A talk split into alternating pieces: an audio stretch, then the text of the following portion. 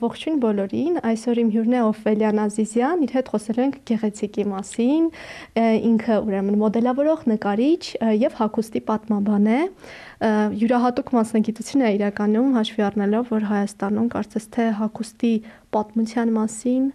ու նորաձևության պատմության մասին մի փոքր ոնց որ քիչ են մարդիկ հա զբաղվող դրանով։ Իրականում կուզենայի մի քիչ sense թեթև սկսենք զրույցը, որովհետև հագուստի մասին ենք խոսում ու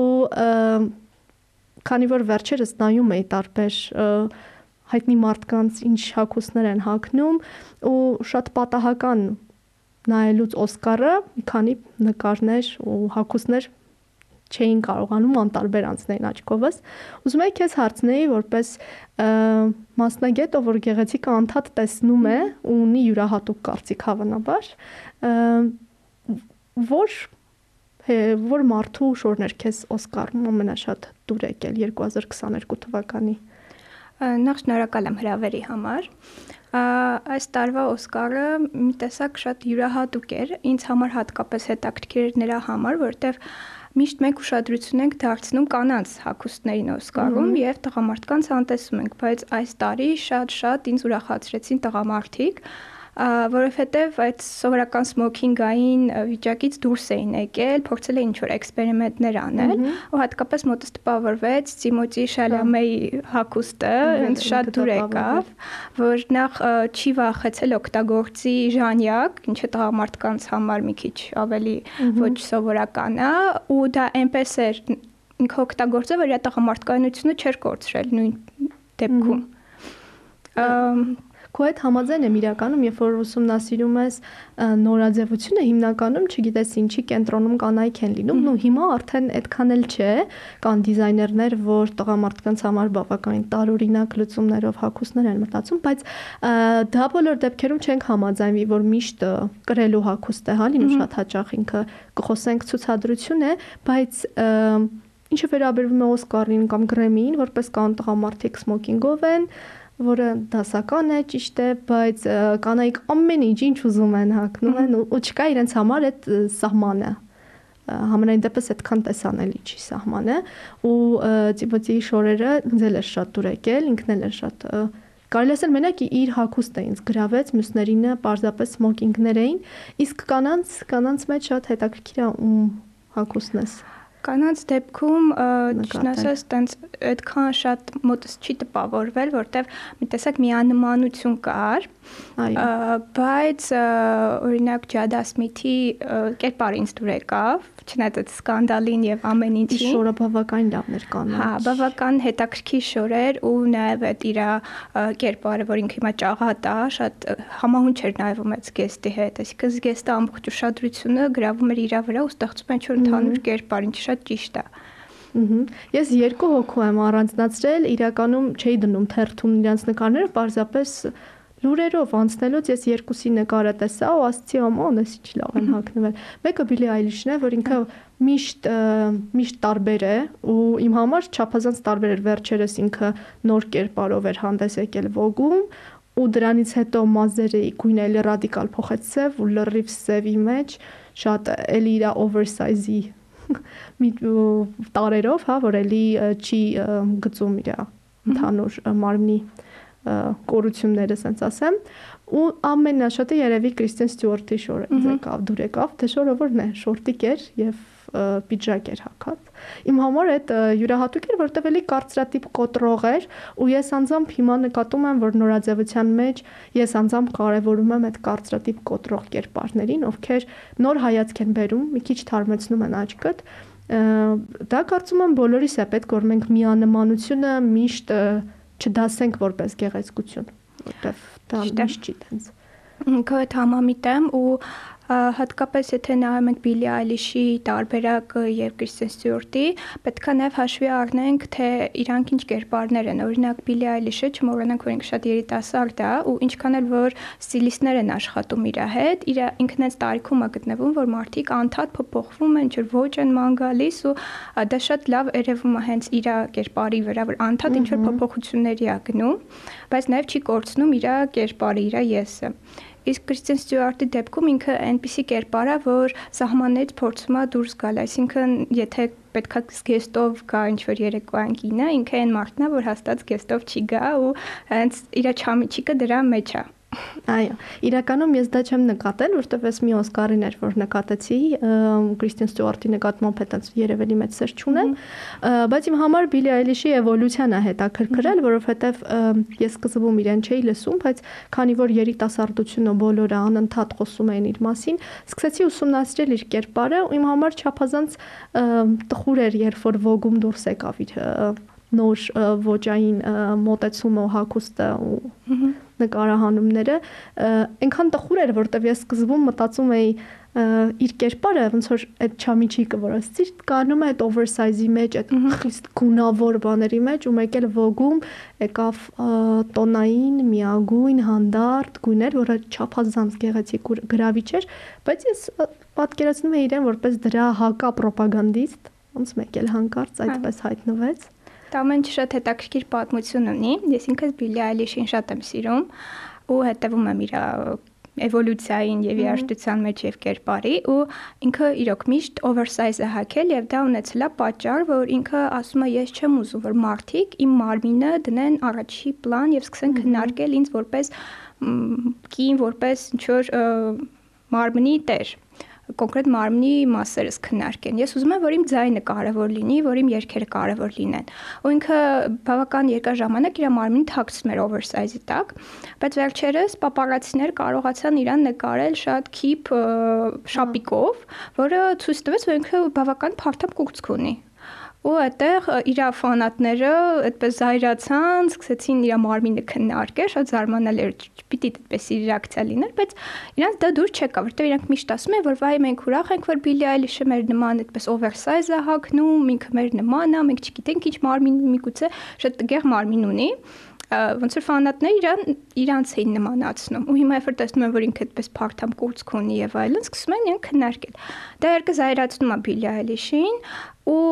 որպեսի այդ քննարկումներ ավարտվեն ինքը որոշում է ոգի շապիկին գալ եւ հայտնվել իր ամբողջ գեղեցկությամբ ամբողջ մարմինը ի ցույց դնել հա տեսեք քննարկեք ավարտեք եւ անցնենք առաջ Իրականում դա շատ-շատ շատ բան է փոխում, որովհետև ես ունեի այն վախը, որ եթե նայենք, հա, մնացած իր տարիքային խմբում գտնվող երգիչներին, ու իրանից մի քիչ մեծել են, հա, Գոմեսը, Արիանա Գրանդեն, որը կարծես թե իր տարիքի է, իրենք բոլորը կրում են հենց այդ մեկ բանաձևը։ Ես հասարակական կերպար եմ երգչուհի եմ, նշանակում է, որ ձայն, մարմին, գեղեցկություն,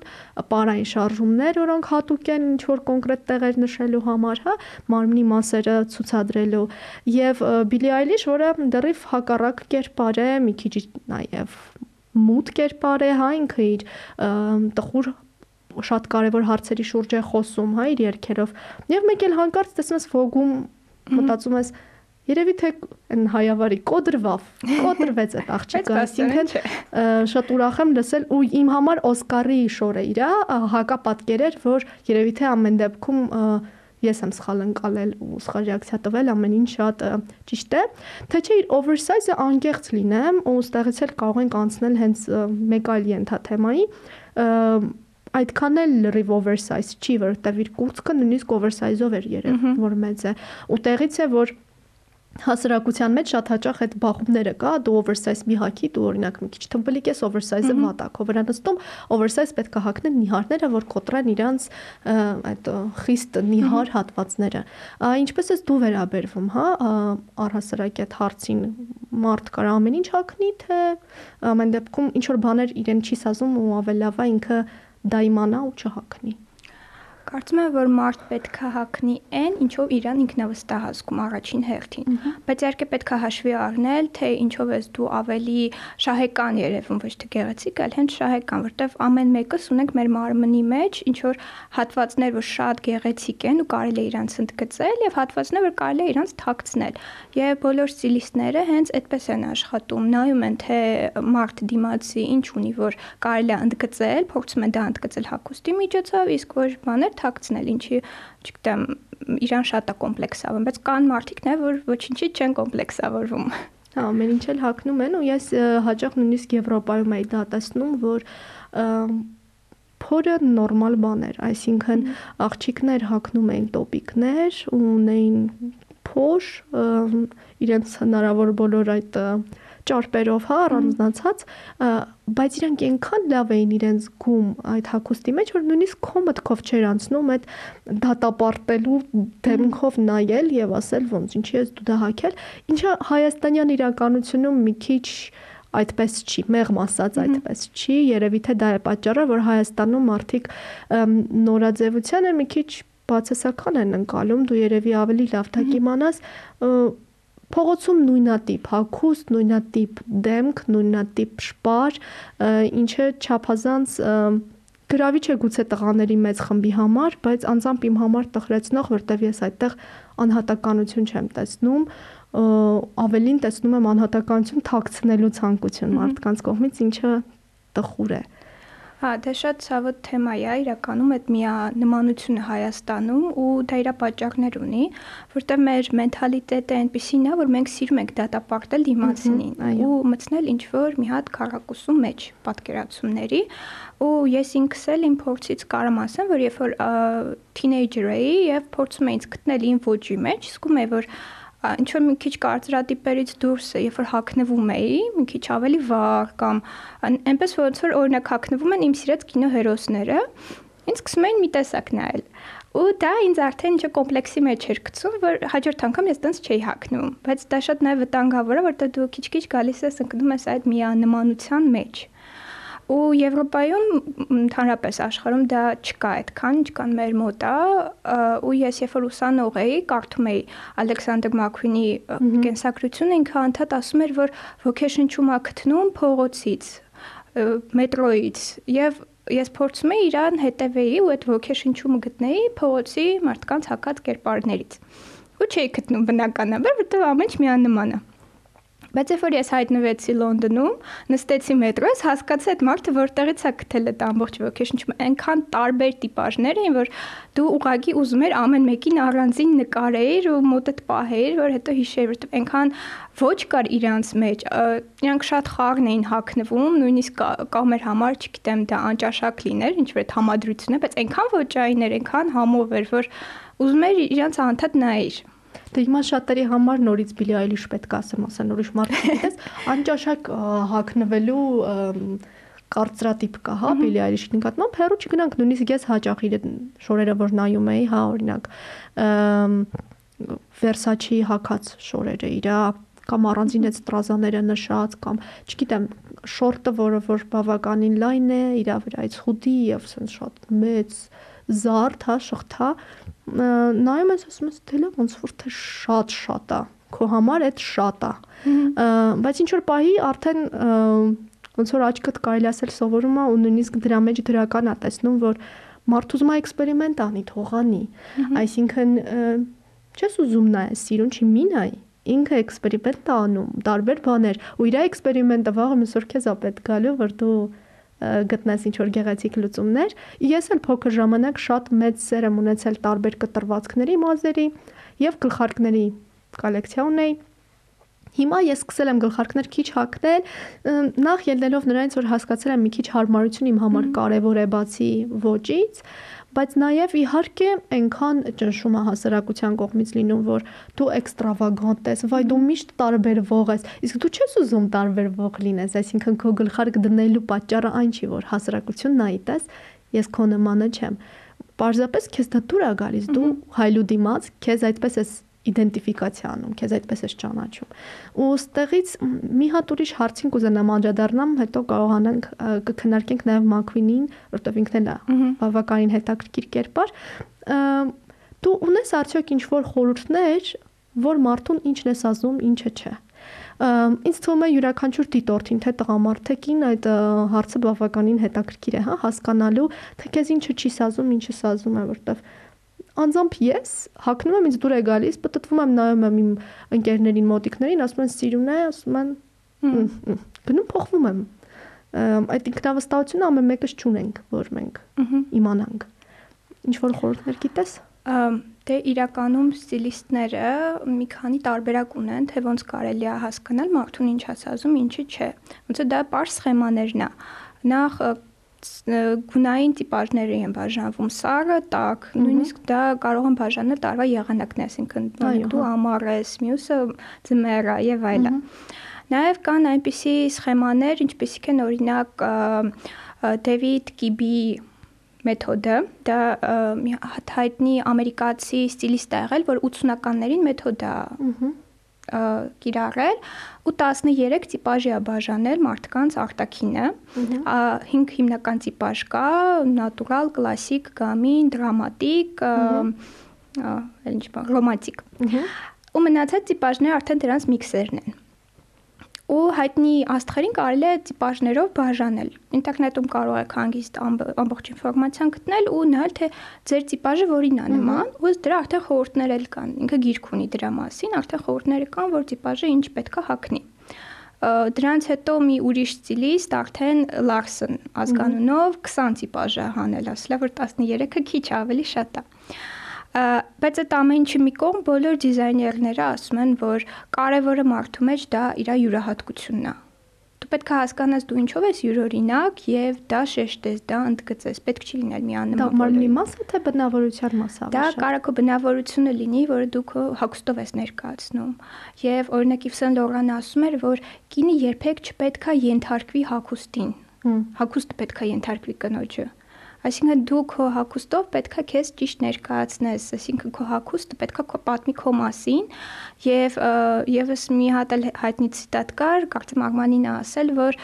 կինը երբ որ դուրս է գալիս սենյակից ու մարդիկ չեն հիշում ինքը ինչ է հագել, ուրեմն ինքը ճիշտ է հագնվել։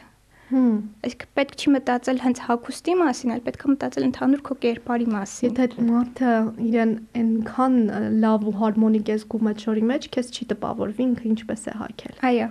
հետաքրքիր մոտեցում է, բայց միևնույնն է մենք չգիտես ինչի հայտնի մարդկանց դեպքում լավ էր գիտենք ինքը ինչ է հակել։ Բայց այդ հայտնի մարդիկ հենց այդ որ կերպարներ են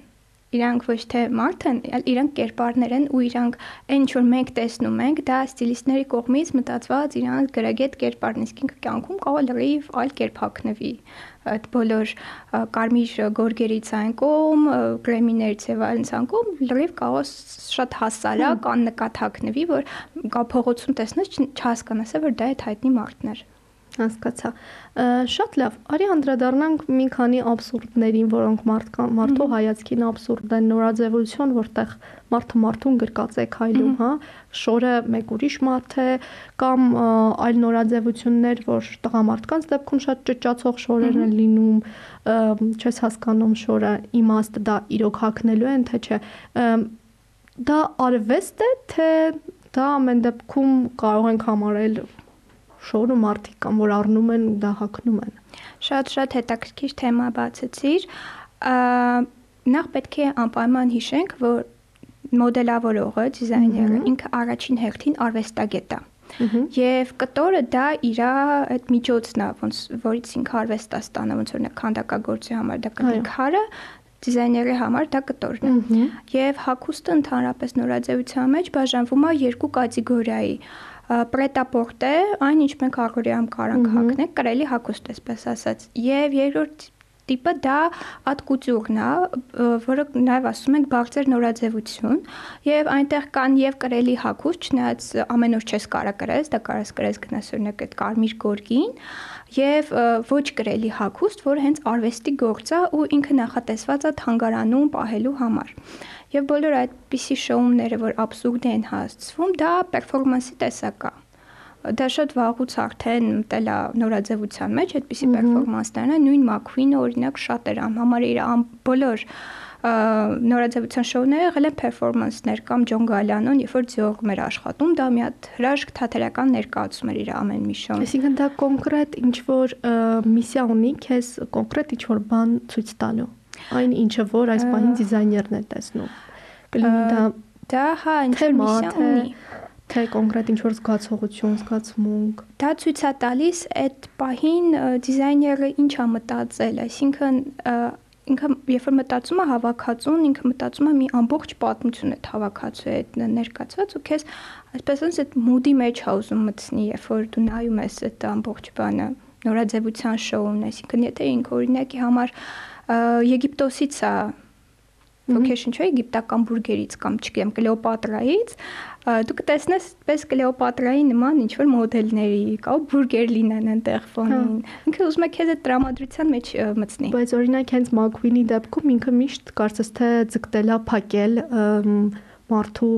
մարդու գոյությունը փորձել է ոնց որ ծածկել, եթե ճիշտ եմ հասկանում, որտեղ փակել է մարդկանց դեմքը։ Մակվինը չէր, դա Մեյսոն Մարգելան էր։ Հա, Մակվինը հա, չէր։ Դա Մեյսոն Մարգելան էր։ Ես Մակվինից ինչ էի տեսել, որ էլի սենց կես դեմքներ փակված Հա, ինքը ուներ այդպիսի բան, որ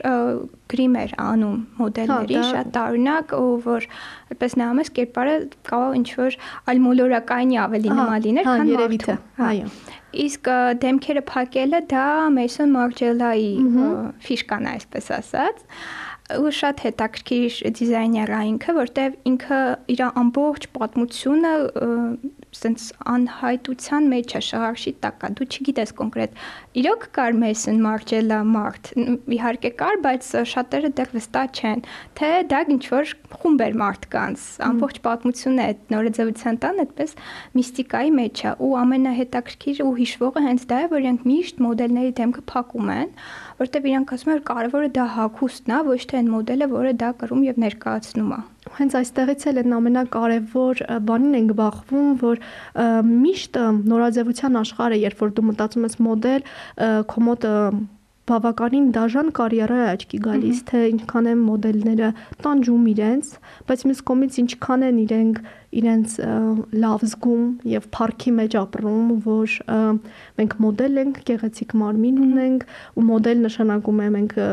աշխարհի ամենագեղեցիկն ենք, հա։ Այնինչ իրականությունում, եթե դու նայում ես նորաձևության աշխարհում, ու եթե ոչ կոմերցիոն շորեր են կամ եթե ոչ sense արվեստա, որտեղ հենց այդ մի կերպարի շուրջ է պատտվում, հա, հակոստը, իրենք բոլորը կարծես թե փորձում են ծածկեն այդ մարդու ֆակտորը որպիսի հակոստը ընդգծվի ու այստեղ այդ երկու տարբեր հակասություններ էին մոտ առաջանում, որ մի դեպքում օրինակ մարդն է կարևոր, մի դեպքում մարդը ընդհանրապես կարևոր չէ։ Չգիտեմ, չեմ չեմ կարող ասել, բայց դա միևնույնն է իմ մեջ անհանգստություն է առաջացնում, որ մարդկանց մի խումբ միևնույնն է ձգտում է դառնալ տենց հայտնի գեղեցիկ։ Տես, եթե մենք խոսում ենք առօրյա հագուստի մասին, կարևորը մարդը, երբ որ խոսում ենք բեմական, բեմում ներկայացող հագուստի մասին, կարևորը հագուստն է։ Ու դիզայների համար կարևորը որ հագուստի վրա ուշադրություն դարձվի, որտեղ ինքը այդ հագուստումը վաճառի ու մոդելը ընդհանրապես միջոց է, այսինքն դիմացի նայողը, որ պետք է այդ հագուստը առնի, ինքը չպիտի նայ մոդելին, ինքը պիտի իրան պատկերացնի այդ հագուստի մեջ ու հատկապես Հայաստանում այդ վատ կարծրատիպը կա, որ մոդելը դա ուղակի սիրունիկ աղջիկն է, որ մի քիչ նաև հիմար է, եթե մոդելը միշտ մտածում են, չգիտես ինչ որ հա, մոդելը կատակները միշտ հա, բայց ես մոդելներ գիտեմ, որ երկու բարձրագույն կրթություն ունեն շատ լավ կարիերա են անում եւ նաև աշխատում են մոդել։ Մոդելը իրականում դա շատ տաժանակիր աշխատանք է, չգնահատված շատ դեպքերում, որովհետև դա մենակ սիրուն դեմք չի, դա աշխատանք է քո վրա, ամեն օր տքնաջան աշխատանք է, որպեսզի դու քո կազմվածք պահես։ Մոդելներ նույնիսկ շատ դեպքերում չեն կարող իրancs մազերը կտրել կամ ներկել առանց իրանց ֆիրմայի թույլատվության, իրանց ագենտի։ ու այն ոնց են իրանք աշխատում, այսինքն դու գնում ես նկարահանման ու մի քանի ժամ անընդհատ այդ բարձրակրում կրունկների վրա կամ անհարմար շատ հագուստով շատ դեպքերում չտարբեր պոզաներ ես ընդունում, շատ են հոգնում, այսինքն դա իրոք շատ բարդ աշխատանք է, որը ուղղակի մարդիկ չեն պատկերացնում։ Բայց դա ավելի շատ կոմերցիոն բնույթի մոդելների մասին է խոսքը գրում, այսինքն եթե հիմնականում performance է լինում, երևի թե հիմքում դրված է արդեն կերպարի կառուցումը ամբողջական եւ մարդ եւ հագուստ ինչ որ դեպքում, հա, այսինքն մոդելները երկու դեպքում էլ նույն մոդելը կարա լինի եւ սովորական կոմերցիոնի դեպքում եւ նաեւ այդ բեմական պերֆորմանսի դեպքում։ Լավ մոդելը ինքը շատ լավ դերասան է նաեւ։ Ինքը պետքա կարողանա յուրաքանչյուր կերպարի մեջ մտնել։ Օրինակ Լինդա Էվանգելիստան 90-ականների հայտնի սուպեր մոդելը իրան բոլոր դիզայներները նշում են ու սիրում են նրա համար, որ ինքը յուրաքանչյուր կերպար կարար ընդուներ։ Ու 90-ականների այդ սուպեր մոդելները հենց դրանով են հայտնի Կլաուդիա Շիֆեր, Նաոմի Քեմբել, որ իրանք շատ կերպարային էին, իրանք կարողանում էին դառնալ ինչ որ դիզայներն ա ուզում իրանցից։ Այսինքն բոլոր դեպքերում մոդելի աշխատանքը շատ լայն է, բայց ամեն դեպքում այդ ծայրահեղացումն էլ ճիշտ չի, որտեղ մենք Հայաստանում ունենք մեկ հայտնի մոդել, Իրանը ես չեմ հիշում, որ գնաց եւ դրսում ում ում ում կողմից էր ինքը Գուչի թե ում կողմից էր Գուչի կողմից Արմինե Արմինեն հա ու իմ համար չափազանց ինքը չափազանց գեղեցիկ դիմանկծեր ուներ ու ես էլի ծանր էի տանում իմանալով հայ իրականությունը մոդելների հիմնական արտակինը եւ Արմինեի արտակինը ինչու է ինքը այդքան ենթարկվում բացասական կարծիքներին, չնայած դրսում դու տեսնում ես հասնում է հաջողության, որովհետև ի վերջո մոդելի մի դեպքում յուրահատուկ դեմքի դեմքն է կարևոր, մյուս դեպքում ընդհանրապես մի աննմանություն է կարևոր եւ մյուս դեպքում դերասանական խաղն է շատ կարևորվում։ Այդ տեսանկյունից իրականում շատ հետաքրքիր է դիտել, բայց եւ վախենալու է թե ինչքան է ինքը կարողանում ազդել մարդկանց ուղեղի վրա կարծրացնել մարդկանց ուղեղը, որ նիհարը գեղեցիկ է, մարդ պետք է նիհար լինի, այնինչ մեկ-մեկ մոդելների նիհարությունը իմ խիստ կարծիքով ընդհանրապես առողջ չի, մնաց թե գեղեցիկ լինի։ Իհարկե դա ամբողջը մարքեթինգ է իրականում ու հայտնի բան է, որ որտեղ նորաձևություն, այնտեղ մարքեթինգ եւ այդ նիհար մոդելները դա ամբողջ մարքեթինգի հաշվին է, որ մարդիկ սկսեն դիետաները պահել, գնան մարզասրահներ, մարզասրահներ գումար վաստակեն, շատ մեծ ինդուստրիա է եւ իր մեջ շատ-շատ բաներ է մտնում։ Իսկ ինչ վերաբերում է Արմինեին, ապա իրոք ինքը շատ հետաքրքիր արտաքին ունի, բայց ցավոք սրտի Հայաստանում դա չեն հասկանում, որովհետեւ ամբողջ աշխարհը վաղուց այդ կարծրատիպային գեղեցկության ստանդարտներից դուրս է եկել ու հիմա այդ նիհար մոդելը նույնիսկ չեն ուզում։ Մոդել կարա լինի յուրաքանչյուր արտաքինով կին, կարա մեծ տարիքով լինի, կարա լինի յուրաքանչյուր ռասայի, եթե մի ժամանակ միայն սպիտակ մաշկով աղջիկներ էին, ապա հիմա յուրաքանչյուր ռասայի կին կարող է լինել մոդել։ Նաև հաշմանդամներն են դառնում մոդել այսինքն դա կապ չունի, բայց Հայաստանում այդ կարծրատիպը կա, որ եթե մոդելը ինքը պետքա լինի 1.70-ից բարձր հասակով ու սլավոնական արտաքինով անպայման, հա, չփոքր քթով, կապուտ աչքերով, ու բոլոր մոդելները մեր իրար միանման են այդ հարցում բայց ոնց որ թե բարեբախտաբար քիչ-քիչ մենք էլ ենք գնում դրան, որ յուրաքանչյուր հետաքրքիր արտաքինով աղջիկ, չամիջիկով աղջիկը կարա լինի մոդել։ Ու դա գալիս է հատկապես այս նոր երիտասարդ սերունդից դիզայներների, որոնք շատ են նայում ու իրանք էլ են հասկանում, որ դա ավելի հետաքրքիր է, քան թե այդ բարձրահասակ մոդելները։ Մի քանի հարց, որով որ կուզենամ սահմանափակենք, հանդիպումը Հայաստանի նորաձևության մասին քիչ անդրադարձանք, իրականում իմ աչքերով ես տեսնում եմ, որ չափազանց լայն է տարածվում հայկական ազգային տարերով նորաձևության տարբեր հակոստներ, հա կամ պարագաներ, ու դա հետաքրքիր ձևով է մատուցվում, հա, տարազային կամ փոքր ինչ որ հատված, որը ինչ որ միջնադարյան գրվածքներով է, եւ չեմ կարող չանդրադառնալ նաեւ քյարթուն որպես տար ներկայացնելը, հա, որ օրինակ light effect-ներ անում, oversize plus չոր քյարթային տարեր, պոպոզած տղամարդիկ չոլկայով sense Ուր ես դու տեսնում ապագան ուր է գնում մեր նորաձևության ինքը էլի մնալու է տարազային հիմքով ազգային թե ինչ որ շարժ դու նկատում ես որպես մասնագետ որպես մասնագետ նկատում եմ իհարկե որ շարժ կա ու շատ լավ է որտեվ ի տարբերություն օրինակ 10 տարի առաջվա հիմա մենք շատ հնարավորություններ ունենք եւ կտոր գտնելու եւ ներկայացնելու ամեն ինչը որտեվ այն ժամանակ մեր դիզայներները շատ սահմանափակ էին այսինքն շուկան միայն Հայաստանում իսկ հիմա գիտեմ որ իրենք կարան օրինակ չգիտեմ, Իտալիայից կտոր բերեն, Ռուսաստանից կտոր բերեն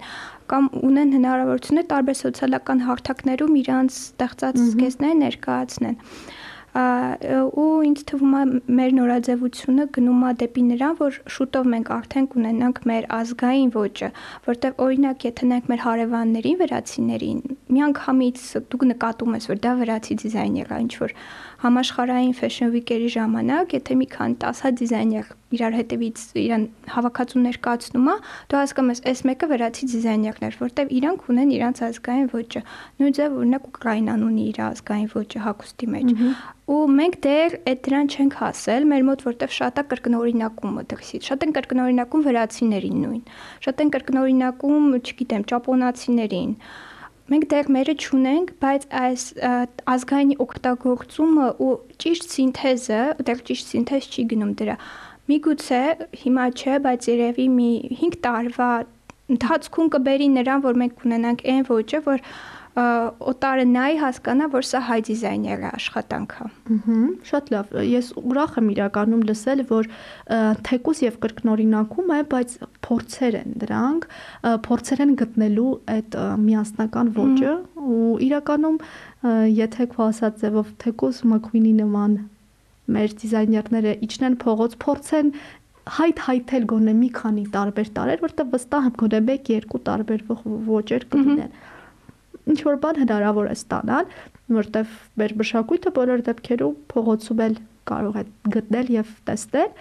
մի քանի հարց հետ կոնկրետ քո հետ կապված ինչպես ինչպես որոշեցիր այս մասնագիտությունը դրել որտեվ շատ քիչ մասնագետներ կան հա եթե ոչ թվով հաշվելի ո՞նց որոշեցիր գալ ստեղ Այ, ճիշտ ասած, ես շատ փոքր տարիքից նկարում եմ ու միշտ նկարել գերադասել եմ բակում խաղերին։ Եվ տենց մի 4 տարեկանում արդեն ասում է, որ երբ որ հարցում են ինչ ես դառնալու, ասում եմ կդառնամ նկարիչ։ Հետո որ մի քիչ մեծացա, հասկացա, որ ինչ շատ է հետաքրքրում, հակուստ շատ էի սիրում նայել պակասներ, չնայած քիչ էին ցույց տալիս, բայց ես սիրում էի իրանց նայել ու միշտ երբ որ նկարում էի, օրինակ արքադուստր էի սիրում նկարել, հենց նրա համար որ պետք է նա ինչ որ սիրուն շորիկ նկարեմ ուտպես հասկացա, որ ես ավելի շատ կուզեմ հենց դիզայներ դառնամ ու հենց գնամ շորի դիզայնի մեջ, որտեվ ինձ համար նաև կարևոր էր այն, որ ինչ որ ես թղթի վրա նկարում եմ, ինքը մոգական կերպով կենթանանալու է։ Ահա այդպես արդեն որոշեցի դպրոց ավարտեմ եւ շարունակեմ այդ դրանով։ Վերջին հարցը մասնագիտության մեջ ինչ ինչ պահ կա որ դու զգում ես որ ճիշտ ընտրություն ես արել, այդ որ պահն է որ դու դա զգում ես մասնագիտության մեջ իմ ամենասիրած բանը այնա որ անընդհատ ինչ որ նոր բան ես փորձում ու չես ընկնում, այդպես ասած, ռուտինայի մեջ ես մասնագիտության մեջ։ Հա, ինչ որ օպերացիաներ կան, որ դու անընդհատ անում ես իրանց, բայց միշտ ինչ որ բան փոխվում է։ Թեկուզ թեման քո հավաքածուի միշտ փոխվում է ու դու անընդհատ ինչ որ նոր բաներ ես իմանում, նոր բաներ ես ուսումնասիրում ու ամենահետաքրքիր ու ամենակարևոր դու միշտ շրջապատված ես գեղեցիկով ու ամեն ինչի մեջ գեղեցիկն ես տեսնում, ինչը քո կյանքն էլ է գեղեցկացնում քո ընդհանուր որակը ինքնազգացողությունը միշտ բարձր է, որտեղ ամեն ինչ գեղեցիկ է քո համար յուրովի։ Շատ լավ, հուսով եմ դիտորդին էլ այդ գեղեցկությունը մենք հասցրինք, ինչքան որ կարողացանք, եւ հուսով եմ, որ սրանից հետո ավելի շատ կմտածեն հենց իրենց մասին, կկանգնեն հայլու դիմաց, կնայեն, կմտածեն ինչն է իրենց դուր գալիս։ Ոչ թե ինչն է արդիական ու ինչն է պահանջվում հասարակության կողմից։ Իհարկե սահմաններ միշտ կան, բայց պետք է դեռ գտնել իրական եսին։ Ինչ հետո Ֆելյաներ Ազիզյան կհանդիպենք